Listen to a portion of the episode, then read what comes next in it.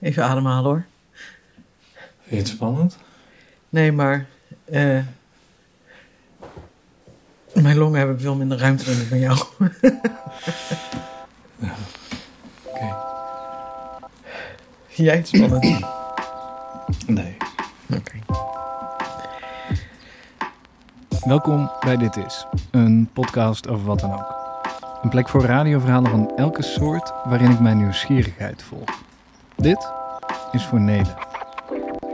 Lieve Nele, Lieve Nelen, terwijl ik je dit schrijf ben je er tegelijkertijd al wel en nog niet. we zaten in de auto op weg naar huis, je vader en ik. Ik denk vanuit Limburg naar een bezoek aan je opa en oma. Ik denk eind augustus 2019. Het was het einde van de vakantie, het begin van een nieuw jaar werken. We waren die zomer gaan kamperen in Frankrijk, op de Bonnefoy. Ik hoop dat we dat met jou ook kunnen doen. Tent in de auto en dan van plek naar plek. Frankrijk is daar ook perfect voor. Miljoenen Nederlanders gingen ons voor en zorgden dat Franse campings precies zijn afgestemd op wat je nodig hebt als je om vijf uur 's middags uitgeput aankomt na een dag in een hete auto. Hopend op een plekje vrij voor jouw bescheiden tentje en een vlak veldje om je gaspitje op te zetten voor de eenpansmaaltijd. Ik heb het idee dat ik je iets over die wereld moet vertellen. Of me in ieder geval moet voorbereiden op de vragen die je erover gaat stellen. Dat duurt nog even, dat weet ik.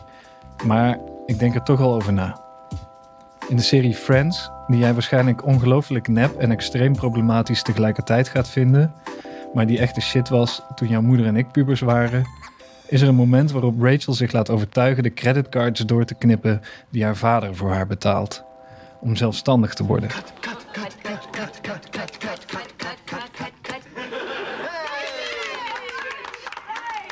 Haar vriendin Monica zegt: Welcome to the real world. It sucks. You're gonna love it. It sucks. You're gonna love it. Dat klopt denk ik wel. Maar je bent er niet echt mee geholpen. We bespraken al een paar jaar achtereen tijdens de zomervakantie het thema kinderen krijgen. En iedere zomer kwamen we tot de conclusie: we hoeven nu nog niet te beslissen. We parkeren het weer een jaar. Maar dit jaar voelde het urgenter. We hadden ons gerealiseerd dat er geen lijstje voor's en tegens zou komen dat ons zou overtuigen. We moesten gewoon beslissen. Af en aan bespraken we, uitkijkend op de kalkrotsen in Yport, langs de zoutvelden op Noirmoutier en op het terras in Tours waar we bang voor waren.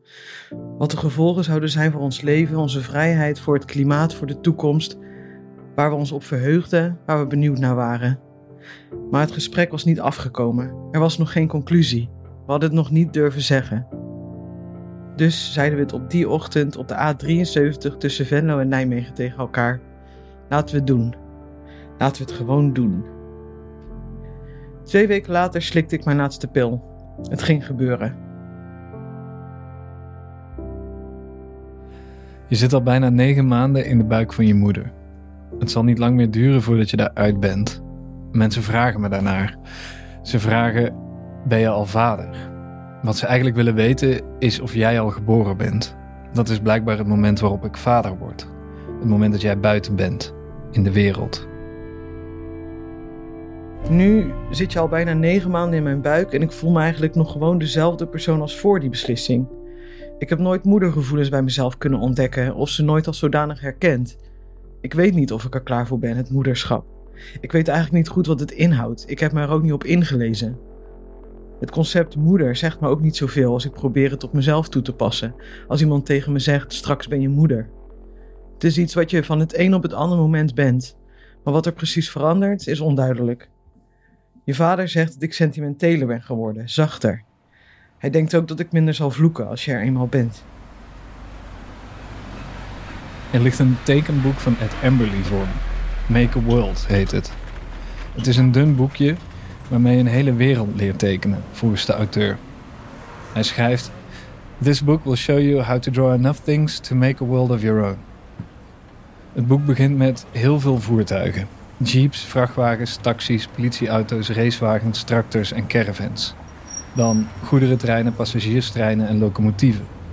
Vissersboten, cruiseschepen, olietankers, onderzeeërs, piratenschepen en gondola's. Vliegtuigen, zeppelins en helikopters. Raketten, snowmobiles, fietsen en winkelwagens. Kruiwagens, heftrucks en hooiwagens. Iedere avond Als ik lig te lezen in bed, kom jij even spelen. Ik kan soms je voetjes vastpakken, zo ver steek je ze uit mijn buik. Ik kietel je, duw terug, lig te grinniken en noem je dropje. Ik had eigenlijk wel verwacht dat ik zwanger zijn leuk zou vinden. Dat ik helemaal mee zou gaan in het nieuwe wereldje dat jij voor me opent. Dat ik met verwondering zou kijken naar hoe mijn lijf verandert zonder dat ik daar iets voor hoef te doen. Maar hoewel ik nu rondloop met een ronde buik ter grootte van een soort reuzenpompoen, ik je ieder uur in me voel bewegen, er een box in de woonkamer staat en we productioneel gezien helemaal klaar zijn voor jouw geboorte, heb ik nog steeds geen enkel idee wat er gaat gebeuren als jij komt. Hoe dat mij zal veranderen. Of ik me als een leeuwin over je zal gaan ontfermen. Of mijn intuïtie me zal vertellen wat welk geluid betekent.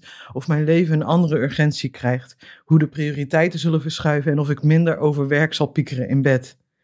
Of ik de rest van de wereld zal vergeten en me volledig op jou zal focussen. Na de voertuigen komen de dieren: paarden, kamelen en ezels. Olifanten, beren, wolven, stinkdieren, alligatoren, schildpadden, zeehonden, kangoeroes, miereneters zwaardvissen, octopussen en walvissen. Dinosaurussen die er niet meer zijn. En het is onduidelijk of ze nog wel zo uitzagen als het Emily ze hier tekent. Katten, honden, eenden, varkens, konijnen en eekhoorns. Er is ook een sectie Animals, drawn very small. Dan komen de mensen. Cowboys, clowns en muzikanten.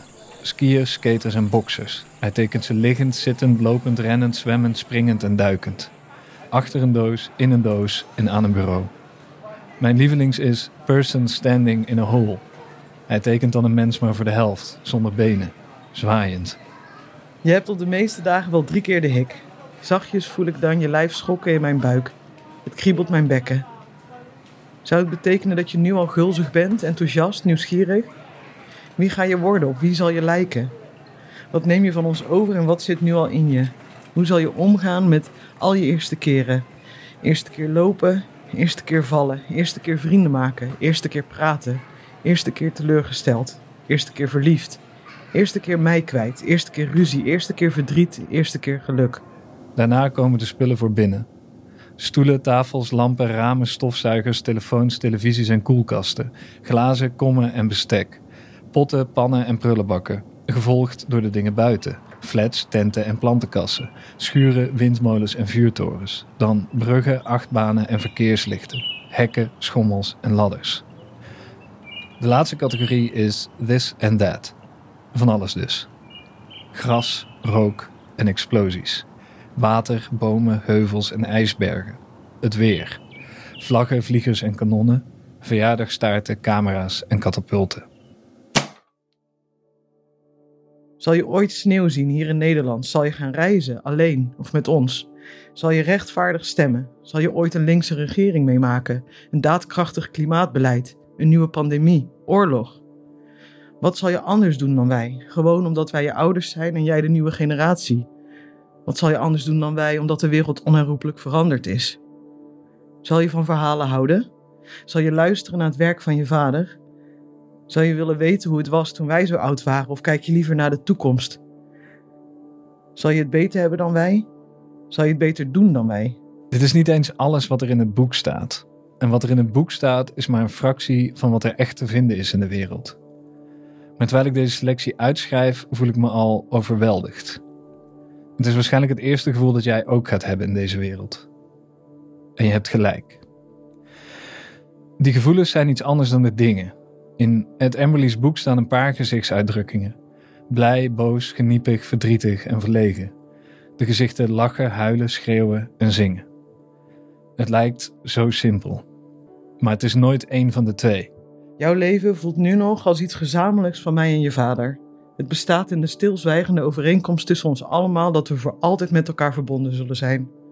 Als jij straks mijn buik verlaat, ken je het verschil tussen jouzelf en de rest van de wereld nog niet. Alles is in die eerste weken één. Wat je ziet, voelt, hoort en ruikt en alle dingen om je heen.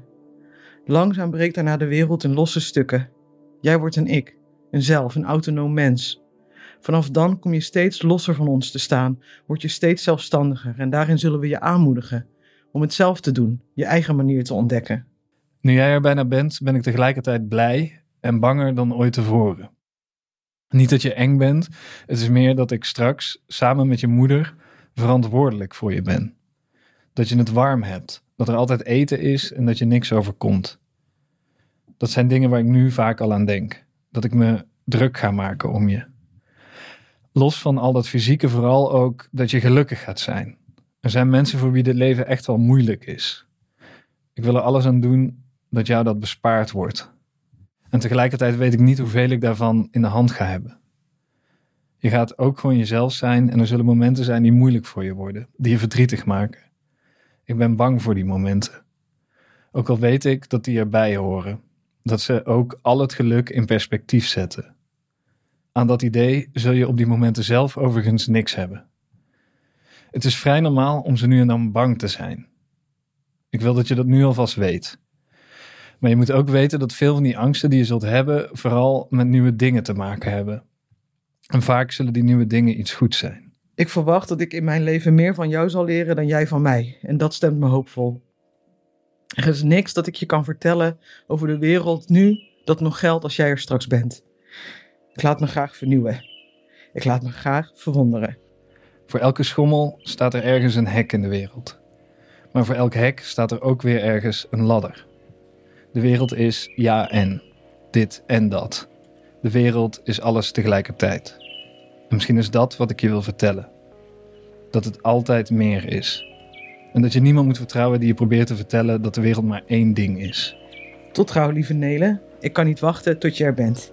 Welkom op de wereld. Het is een verschrikkelijke plek en je zult ervan gaan houden. Het is met felle kleuren en geluid. En nog veel meer.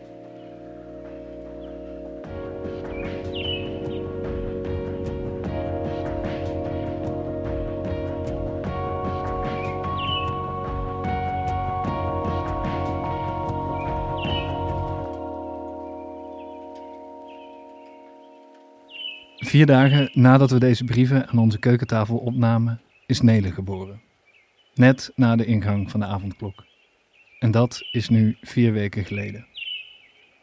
Deze podcast gaat even met ouderschapsverlof. Ik ben even te druk met kijken.